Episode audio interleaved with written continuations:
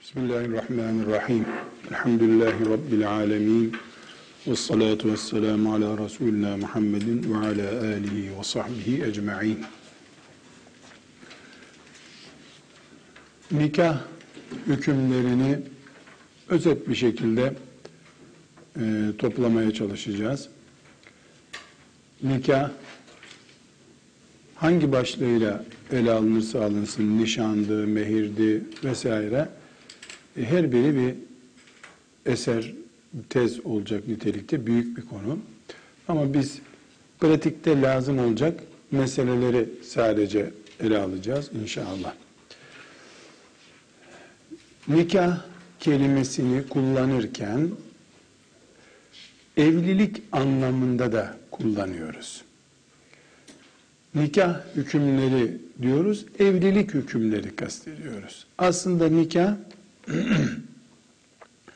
erkekle kadının karı koca olmalarını sağlayan sözleşmenin adıdır. Bunu biraz daha geniş bir manada kullanıp nikah demek evlilik demektir gibi bir daireye taşımış oluyoruz. Daha önce defalarca e, konuştuk.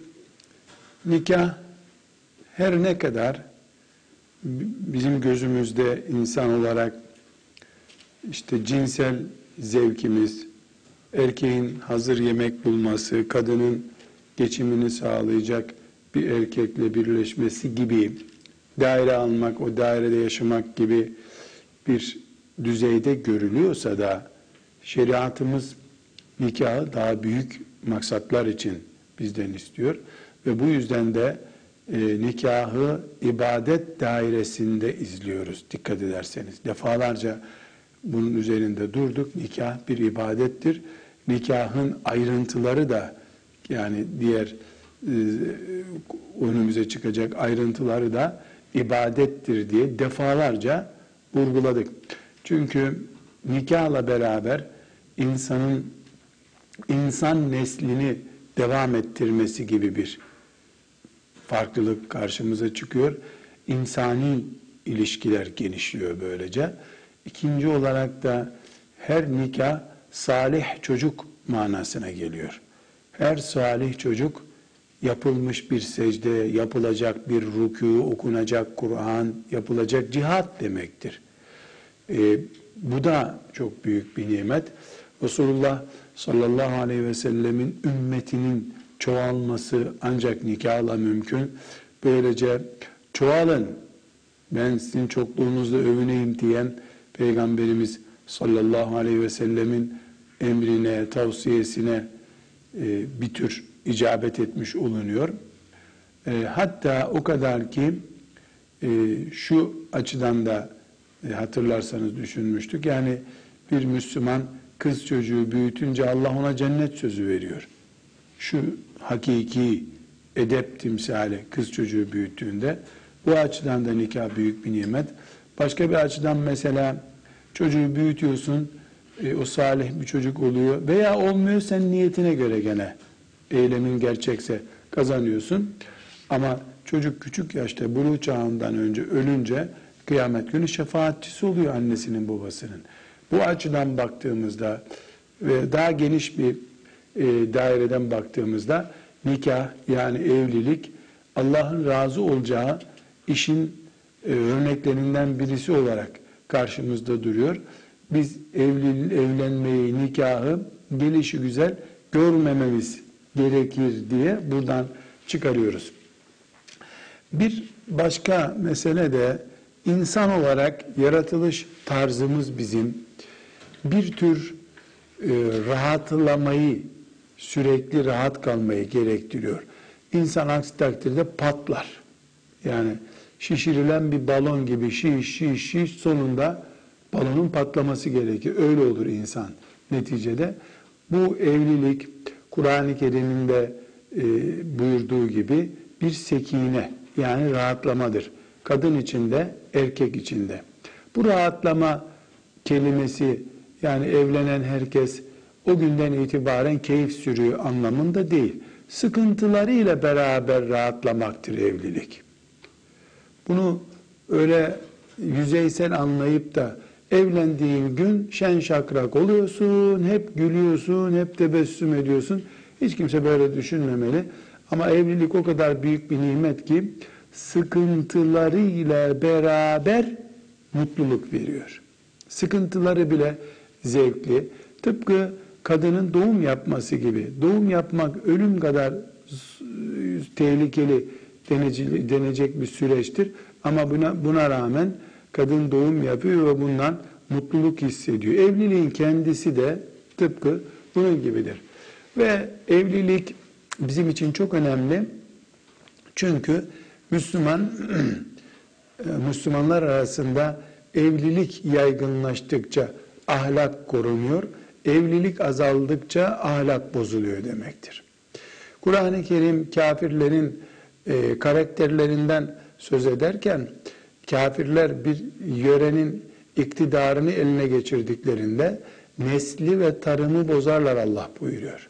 Nesil ve tarım bozulunca da yani insanın nesli nikahsız hale gelince tarım da mideye inen gıda yararsız hale gelince ya da yok olunca Allah'ın e, yaratma maksadı olan iyilik de ortadan kalkıyor demektir. Bunun için müminler de iktidar olduklarında, gücü ele geçirdiklerinde tarımı, gıdayı yararlı hale getirirler. Nesli güvenli, ahlaklı hale getirirler demektir. Ayetten bu anlaşılıyor. Bunları daha önce defalarca konuştuğumuz için nikahın, evliliğin hikmetleri üzerinde çok fazla daha söz sarf etmek istemiyorum. Nikahın hükmüne yani evliliğin hükmüne gelince evliliğin evliliğin hükmü şu demektir. Yani evlenmek bizim için nedir? Farz mıdır? Vacip midir? Sünnet midir? Nedir? Ee, mesela öğle namazının hükmü nedir diyoruz? Farzdır diyoruz. Öğlenin farzından sonra kıldığımız iki rekat nedir? Sünnettir diyoruz. E, sol elle yemek yemek nedir? Mekruhtur diyoruz. Alkol kullanmak nedir? Haramdır diyoruz. Bir şeyin hükmü demek yani onunla ilgili şeriatımızın kararı ne demek oluyor. Evliliğin hükmü e, farz olabilir, vacip olabilir, sünnet olabilir, mekruh olabilir, haram olabilir. Genel olarak evlilik sünnettir denir. Ama şahsa göre farz olur, şahsa göre haram olur. Nasıl olur bu? Buna şöyle bir ölçü koyacağız. 17 yaşında bir delikanlı veya 65 yaşında bir ihtiyar. Bunların evliliğinin hükmünü onların bünyesi kararlaştıracak. 17 yaşında da 77 yaşında da evlilik sünnettir. Ama o yaşta veya bu yaşta cinselliği onu rahat bırakmayacak hale geldiği zaman bir insan onun evliliğinin hükmü değişir. Rahat bırakmamak ne demek? Harama doğru gözünü, elini kaydırması demek. Bu eğer zinaya doğru gitmeye başladıysa şehveti onu sıkıştırdığında evlenmesi farzdır. Kadın için de erkek için de böyledir bu hüküm. Kız ve erkek ayrımı yok bu konuda. Zinaya düşme düzeyinde değil ama mesela açık saçık fotoğraflara da bakmaya başlıyor artık. Vacip. Evlenme vacip. Bu düzeyde değil. Evlilik işte düğüne çağırırlarsa milletin düğününe gidiyor ama kendisiyle ilgili böyle bir şey düşünmüyor. Şehvetiyle ilgili sıkıntısı yok. Sünnet. Çok sinirli, gergin birisi e, insan idaresinde zorluğu var. Şehveti de sıkıştırmıyor. Evlense de olur, evlenmese de olur ama kadın geçindirecek ya da bir kocanın sözünü dinleyecek birisi değil, mekruh evliliği. Bunun evliliği mekruh. Yani sünnet aslında ama bu bir kadınla bir arada 10 gün duramaz sinirli bir adam. Ya da kocasına peki efendim diyecek bir kadın değil, erkek gibi kadın. Bunun evlenmesi mekruh diyoruz. Ama haram değil, yasak değil. Peki evlenecek erkek veya kadın cinsel eksiği var. Cinselliği yok. Cinsel ayıbı var diyelim. Cinsellik engeli var diyelim. Veyahut da erkek evlenecek ama çalışıp bir kadın bakmaya da niyeti yok. Kadın çalışsın ben evli, yiyeyim içeyim düşünüyor. Bunun evlenmesi haram. Neden? Çünkü evliliğin şartları var. Kadının nafakasını vermesi lazım vesaire. Bunları yapamayacak birisinin evlenmesi haramdır. Demek ki evlilik farz olur, yerine göre vacip olur, yerine göre sünnettir genel olarak zaten mekruh olur yerine göre haram da olabilir. Bunun evlenmesi haramdır denir. Burada bu haram bölümünü açmamız lazım. Ee, programımızdan vakit kalırsa e, sağlık engelleri açısından evlenme diye de başlık açmak istiyorum ama çok geniş bir konu olduğu için belki programımıza onu yetiştiremeyebiliriz. Ee, ilerideki genel fıkıh derslerinde onu inşallah okuyacağız. Ee, şimdi bir kadın veya erkek düşünelim. Her ne kadar dillendirilmese de, böyle yüz yüze konuşulmasa da her erkek ve her kadın çocuğu olmasını ister. Ve erkek de kadın da bilhassa evliliğin ilk yıllarında cinsel rahatlama isterler. Ben istemiyorum diye yalan konuşuyordur. Ya da ne isteyeceğini de bilmiyordur o. Şimdi genç bir kızın bir tedavi gördüğünü düşünün 17 yaşındayken. Bu tedavisi rahim tedavisi olmuştur. Ve doktor ona demiştir ki senin artık çocuğun olması mümkün değil demiştir. Veya erkek bir trafik kazası geçirmiştir. O kazada ameliyat olmuştur. Ameliyatı çocuğunun olmasına engeldir. Veya çocuğunun olmasından önce cinsellik kullanımı ortaya koyabilecek kabiliyeti kalmamıştır. Kadın olur, erkek olur. Bu evleneceği zaman kadın ya da erkek bu şartlarda evleneceği zaman karşı tarafın bir beklentisi var.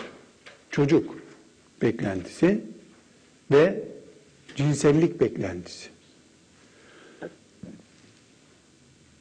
Bu beklentiyi önceden konuşup ben evleniyorum ama benim şu kusurum var, şu tedaviyi gördüm ben zamanında dememesi halinde karşı tarafı aldatacak ve sakıncalı bir evlilik yapacak. Dolayısıyla bu evlilik farz, vacip, sünnetin dışında haram düzeyine gelmiştir. Çünkü evlenmenin gereği olan şeyi yapamayacak bu. Niye evleniyorsun peki?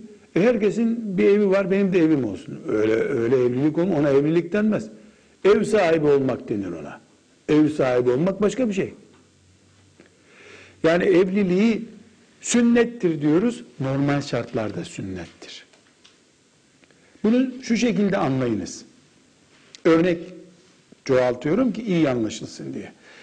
İyilik yapmak, insanın iyilik yapması nedir? E, insanlıktır canım Allah Allah. Peki, bir çocuğa içinde mermileri olan bir ciddi tabancayı iyilik yapıp oynasın çocuk diye vermek insanlık mıdır? Haramdır, cinayettir. Çocuğa verilir mi o tabanca? Hani iyilik yapmak, çocuğu sevindirmek güzeldi? E bu çocuk sevindirmek değil, adam öldürmek bu. Bir insanın annesi, babası yatakta kıvranıyor. Ölüm döşeğinde. İyilik yapmak insanlıktır diye mi onunla gidip ilgilenilecek? Yok canım. Ne insanlığı? Farz oldu orada iyilik. Oradaki insanlık falan değil artık. Yani insanlıktır dediğimiz şey yeri geliyor suç oluyor. Yeri geliyor hayvanlıktan kurtulmanın şartı oluyor. Nikah da evlilikte böyle. Normalde sünnettir. Yeri gelir haram olur. Yeri gelir farz olur. Aynı şekilde mesela Müslüman bir kadının taliplisi gelmiş, Müslüman değil ama. Ateist, mateist bir şey. Bu evlilik nedir? Haramdır. Böyle bir evlilik olmaz çünkü. Yani evliliğin hükmünü bu şekilde bir yere oturttuk. Müslüman insan evliliği hanım kızlar sıradan bir iş olarak göremez. Durak giydi, evi oldu, kiralık ev tuttular, çamaşır makinesi aldı, çeyiz hazırladı. Bunlar dünyalık insanların bakışı. Biz evliliğe bir, Allah'ın kuluna nimeti olarak görüyoruz. İki, evrensel bir sünnet olarak, sünnetullah olarak görüyoruz. Üç, insanın fıtri ihtiyacı olarak görüyoruz. Dört, peygamberlerin genel sünneti olarak görüyoruz. Beş, mümin karakteri olarak görüyoruz.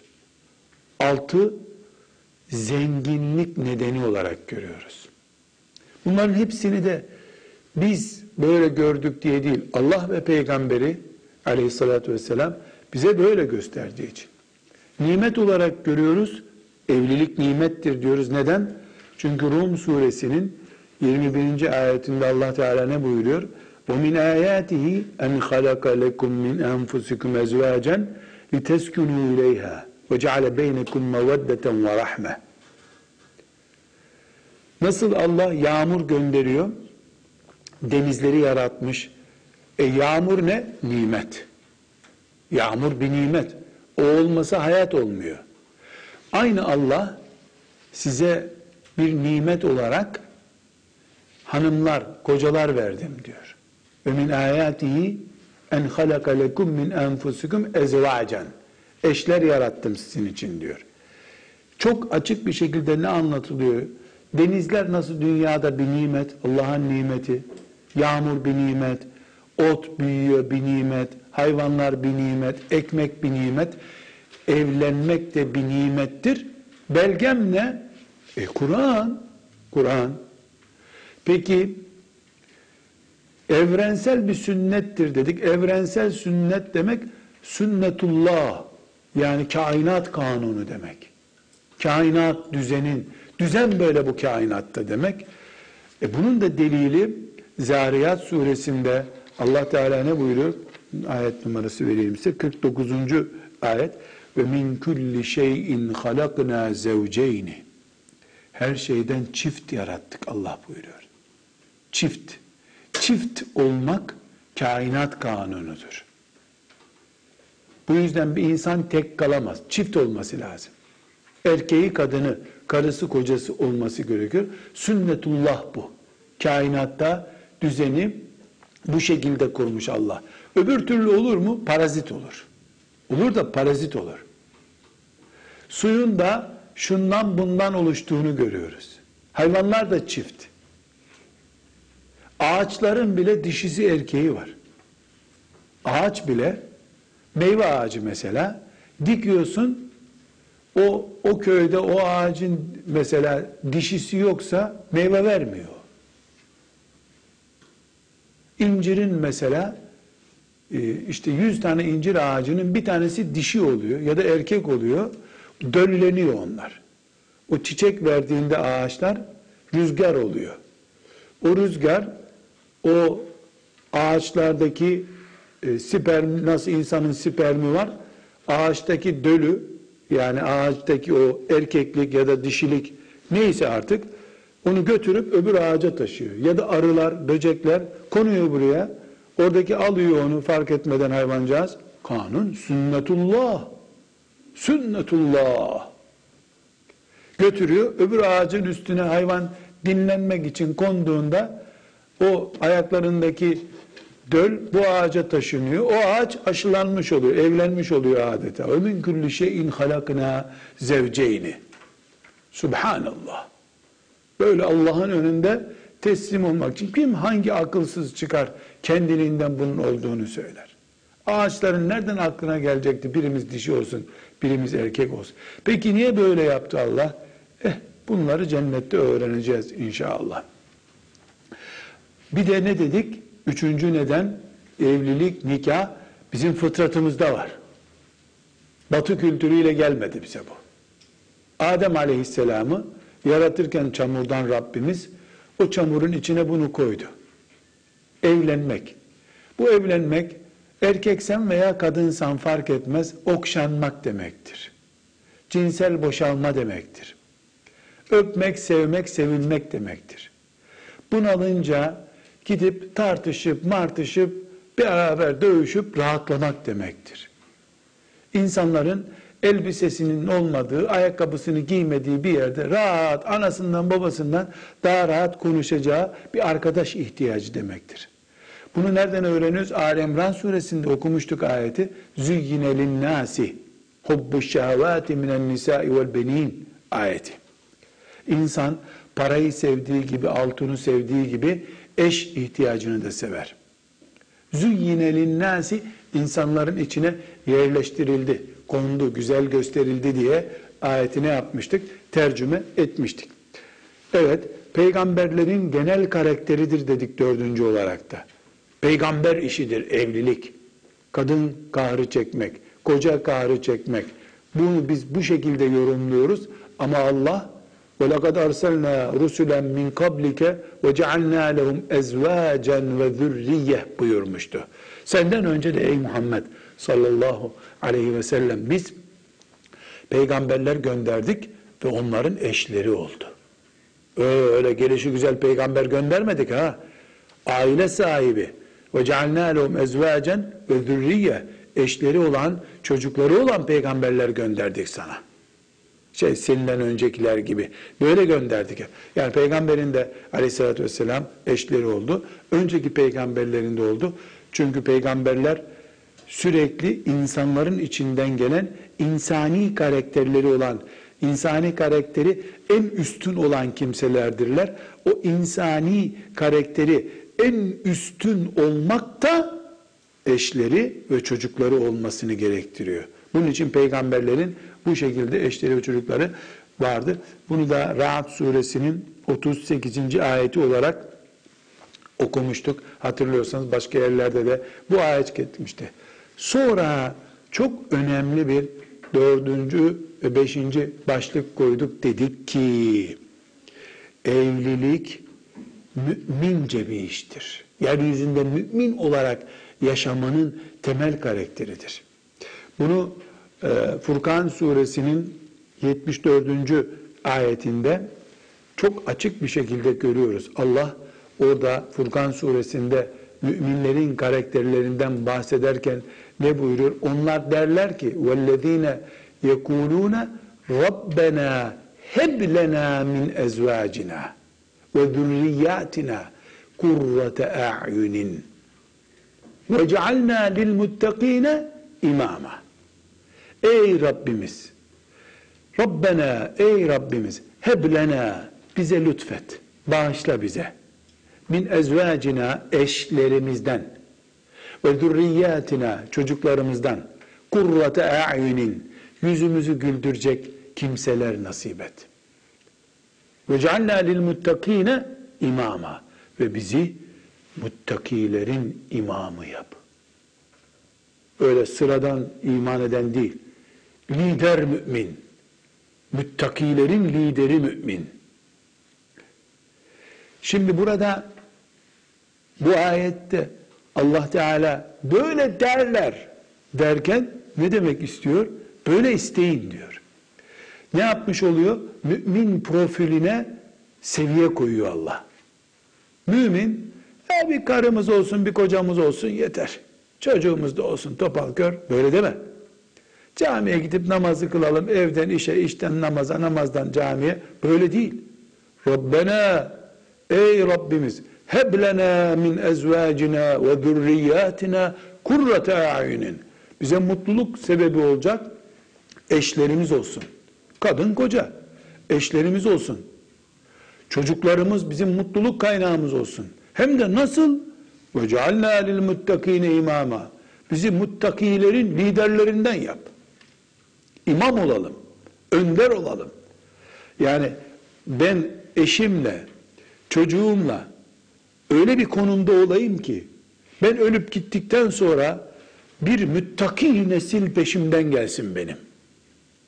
Yoksa parti kuralım, Müttakiler Partisi, o partinin başına da ben geçeyim, hanımım da sekreter olsun demek değil bu herhalde. Ve cealna lil muttakine imama. İmam bir şeyin önündeki duran insan demek. Camidekine imam deniyor, cemaatin önünde durduğu için. Ve cealna lil muttakine imama bizi müttakilere imam yap ya Rabbi. Yani ben ölüp gidersem de bu dünyadan benim peşimden eşimin ve çocuklarımın da gayretleriyle bir nesil gelsin. O nesil müttaki, Allah'tan korkan bir nesil olsun ve desinler ki e, biz bunun peşinden gidiyoruz.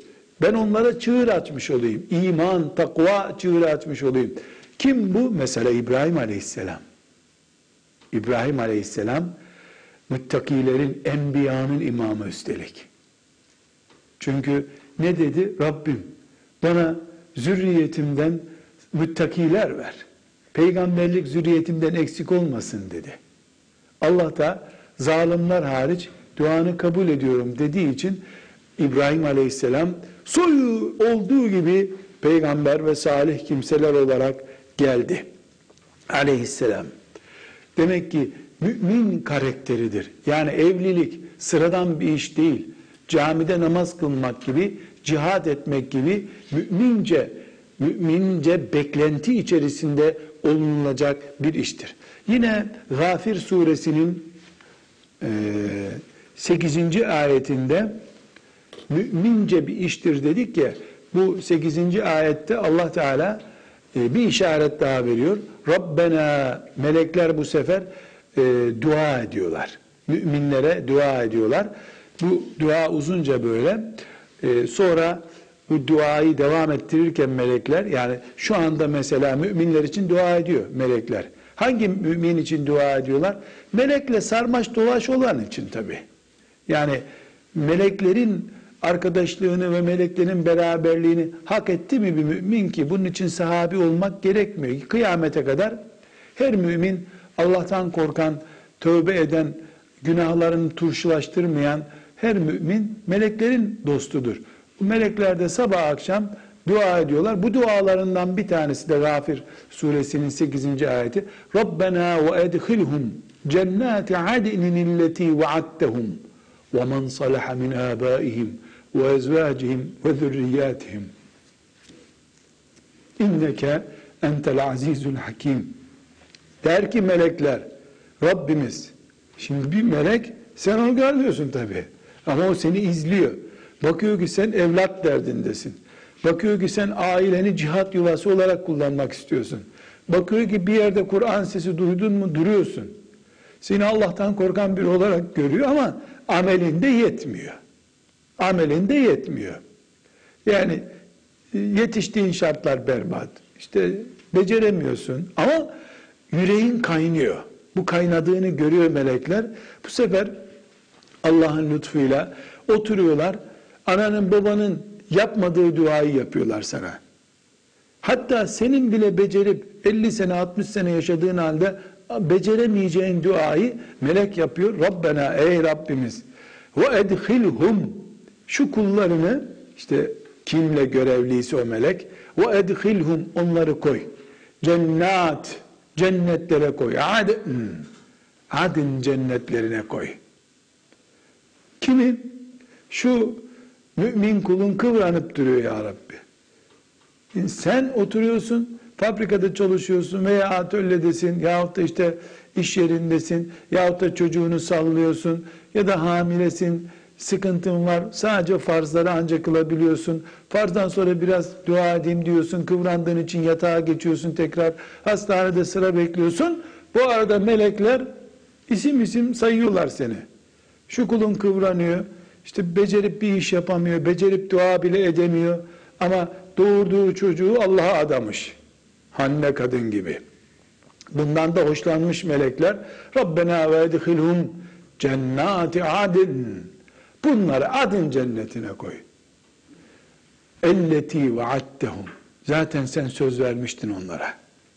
Söz verdin ama e, onlar hak, hak etmekte zorlanıyorlar bu işi Sen şu söz verdiğin adın cennetine koy bu kullarını ya Rabbi. Burada asıl evlilikle ilgili bölüm şimdi başlıyor.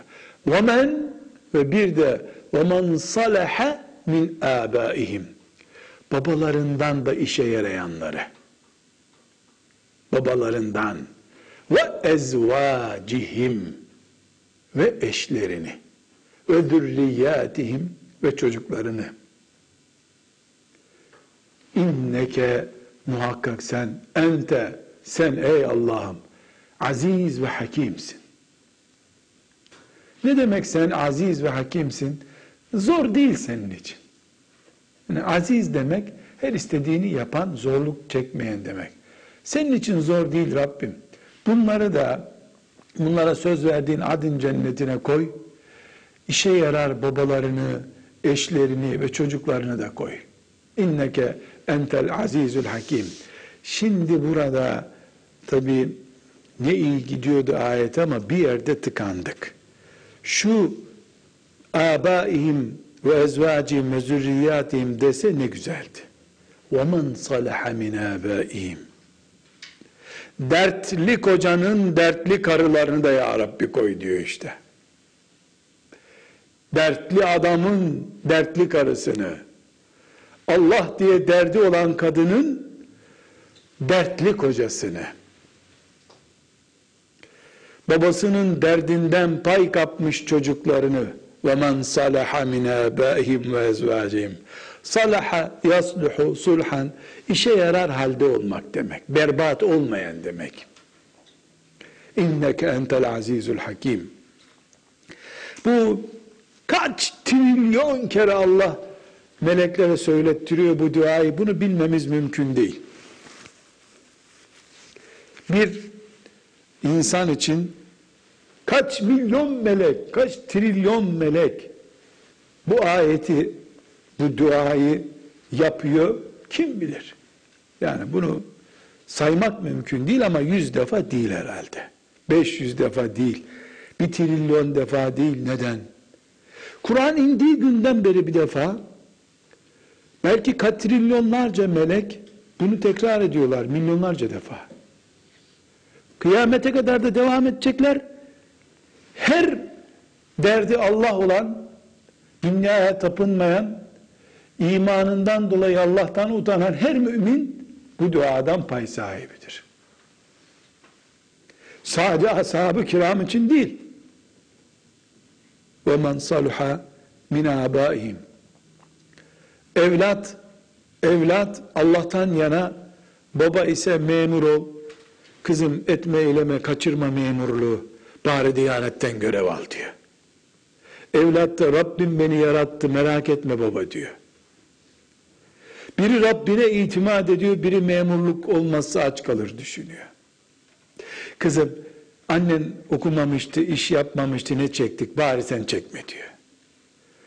Baba bana Allah yeter diyor ve men salaha min abaihim ve. İşe yarar babalar, işe yarar eşler, işe yarar çocuklar da bu duaya dahil mi? Dahil. Dahil.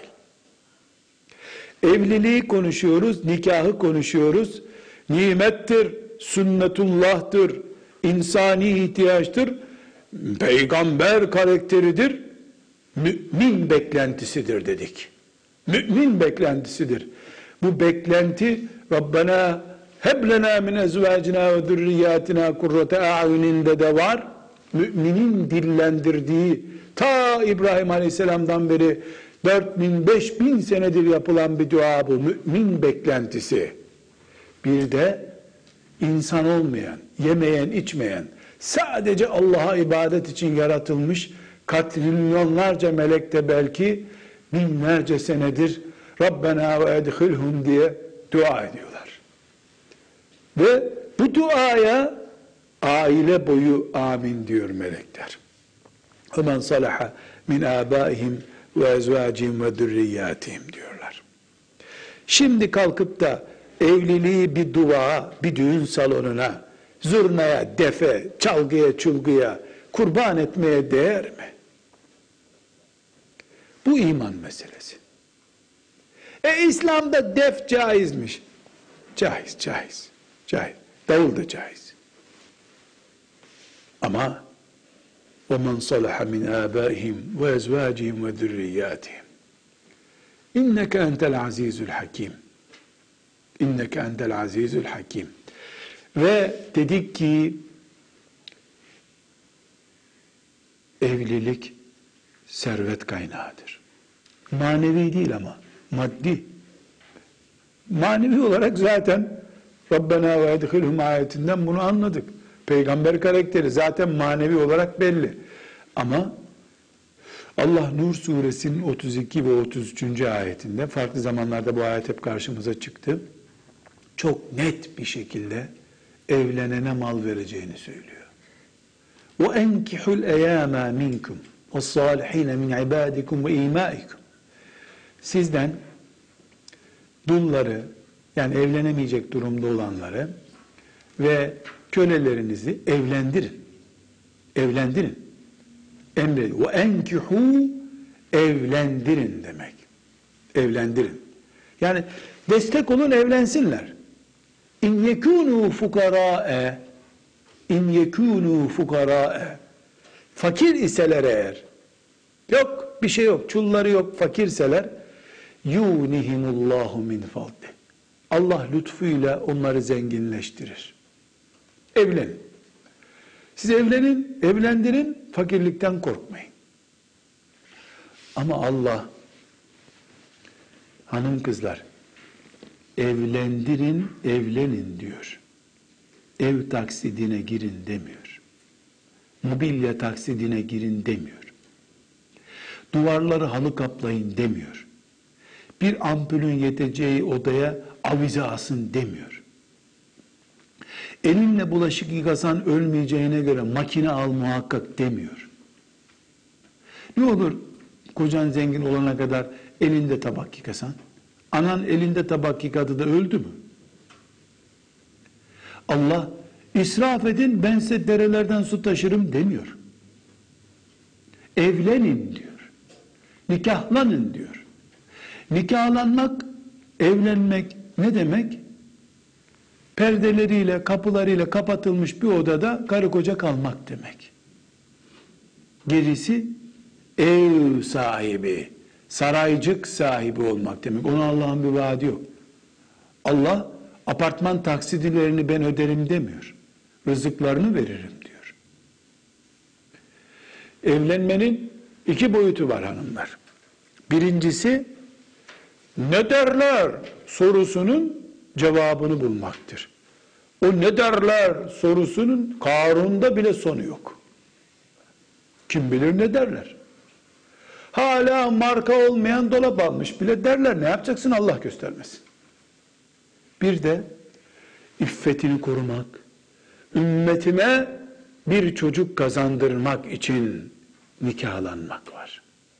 Bu ikincisine Allah yardım edeceğim diyor.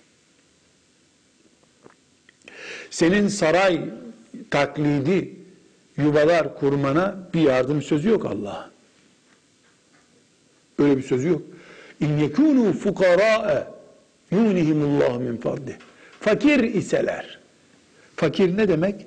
Zekat alacak durumda iseler ben onlara yardım ederim diyor.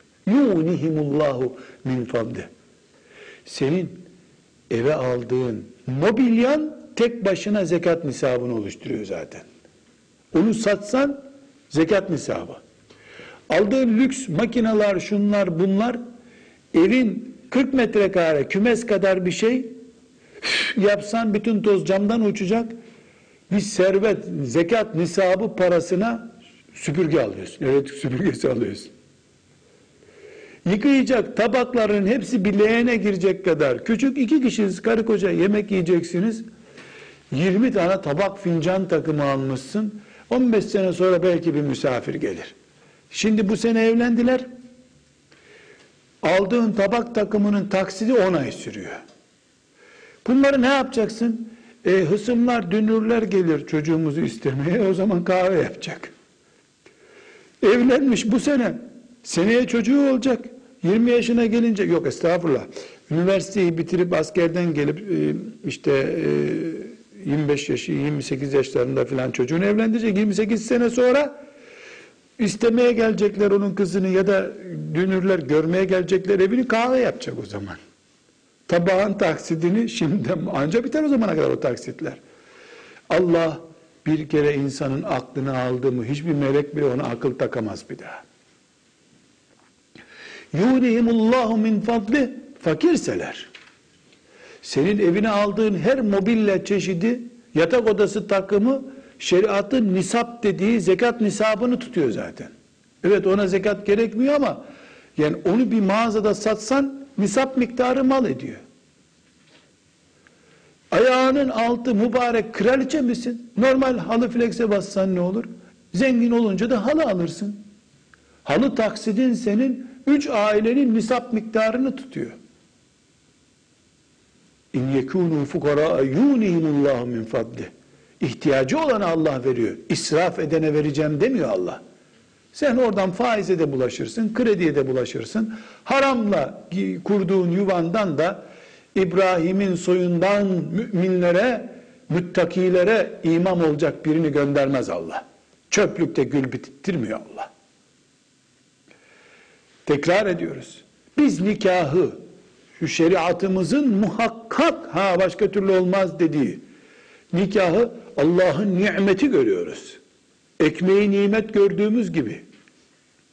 Nimet olduğu için de bu zaten bu nimet sofradan kaldırıldığında yani talak vaki olduğunda Allah'ın arşı titriyor. Onun için Allah talaktan hoşlanmıyor. Bu bir nimet. Peygamberlerine layık gördüğü bir nimet Allah'ın. Ve sünnetullah Adem aleyhisselamdan beri şerefli insanların, Habil'in soyundan gelenlerin, şerefli, onurlu insanların sünnetullahı, kanunu ve fıtri bir ihtiyaç. Kimyasal bir ilaçla biz bunu midemize koymadık. Rabbimiz anamızın rahminde döl olarak bizi koyduğunda bu fıtratı da bize yüklemişti zaten. Ve bu peygamber karakteri. Sıradan insan karakteri değil. Peygamber karakteri. Mümin beklentisi bu. Rabbena heblena min ezvacina diyen bütün müminlerin beklentisi ve huzurlu, bereketli, mutlu yaşamanın, zengin yaşamanın, dilenmeden yaşamanın ana karakterlerinden biri. Burada hadislik derecesi yok. Ben e, kendim de bir konferansta dinlemiştim. Öyle naklediyorum yani hadis seviyesinde. Ahmet bin Hanbel'e rahmetullahi aleyh birisi geliyor. Diyor ki evlendim geçinemiyorum diyor. Çoluk çocuğumu doyuramıyorum. Bana ne tavsiye edersin diyor. O da diyor ki oğlum git bir daha evlen. Anlamadınız diyor. Ben ailemi geçindiremiyorum diyorum sana diyor. Ben de anladım onun için bir daha nikahlan evlen dedim sana diyor. Çünkü Allah evlenin fakirler sizi doyurayım diyor. Sen bir evlendin Allah'ın gönderdiği sofra sana yetmedi. Bir daha evlenirsen çift sofra verecek doyarsınız diyor. Sofra tabi sembolik bir şey burada. Yani rızkınız artacak diyor. Ahmet bin Hanbel kafası bu. Doğru bir haberse. Nasıl imanı var Allah'a görüyor musunuz? O söz verdi diyor fakiri doyuracak diyor. Şimdi ise aşı yok, işi yok, gücü yok, şu yok, bu yok, evlenemez. Hani rızık Allah'tandı? Hani razzak idi Allah? Ne kadar yalancı bir imanımız var demek ki bizim. Ama evin duvarında Esma Hüsna asılı. Er rizku alallah levhası da asılı. Levha kimseyi iman ettirmiyor ki. Hayır. Nikah bu ümmetin nikahı berekettir. Nikahsızlık bereket düşmanıdır. Uğurdur, sıkıntıdır. Peki filanca evlendi. Niye taksitlerini ödeyemiyor? O nikahlanmadı, evlendi. Yani evi oldu. Arabalandı der gibi evlendi diyoruz. O force için şu sünnetullah olan, nimet olan, fıtrat gereği olan, peygamber karakteri olan, mümin beklentisi olan şeyi gerçekleştirmek için nikahlanmadı o. Sevdiği kıza aşık oldu. Sevdiği delikanlının yakışıklığına aşık oldu o. Ucuz gitti. Ucuz şeylere takıldı, ucuz gitti. Mümin, kadın ve erkek ucuza gitmez. Allah'tan başkasına gitmez zaten. Sen ki evliliğini Allah için yaptın, Allah'ın adıyla masaya oturdun, evet kabul ediyorum dedin, senin kefilin Allah o zaman. O zaman sen madem Allah için yola çıktın, Allah'ın razı olmayacağından şüphe ettiğin şeyden bile uzak duracaksın. Ki Allah seninle olsun. O zaman bak kuru bir ekmeği soğanla yerken ne müthiş zevk alacaksın be. Ya bal mıdır bu yediğin soğan mıdır? Ne soğanı be? Ne soğanı? Bal bu. Eğer Allah'tan başkasına sığınırsan, yakışıklı delikanlıya, zengin kıza sığınırsan, sana kainat yetmez. Tirmizi'deki hadisi başka derslerde duymuşsunuzdur. Efendimiz sallallahu aleyhi ve sellem ne buyuruyor? Yaşantısını dünya beklentileri üzerine kurduğu zaman mümin, dünya beklentisine ev, taksit, apartman, araba, yakışıklı, askerlik, iş, diploma, dünya beklentileri. Allah bütün dertlerini gözünün önüne koyar. Hep o taksit düşünür bizim deyimlerimizde. Taksit, borç, alacak. Onun hep elleri şakağındadır. Bitmez derdi. Neden? Çünkü Allah bütün dertleri gözünün önüne koyar. Korkudan, stresten ölür gider zaten o. Ama mümin Allah ile yaşamaya başladı mı? Ben sana yeterim der kulum. Ben sana yeterim der. Allah ona yeter o zaman. O açlık hissetmez ki baklava arasın. Sabahleyin yediği soğan, ekmek, oh be mis gibiydi ne güzeldi der. O lüks yatak aramaz zaten. Oh be sabah namazına kalkacak kadar uyuduk elhamdülillah der. Çakı gibi ayağa kalkar. Müminle kafir arasındaki fark da bu.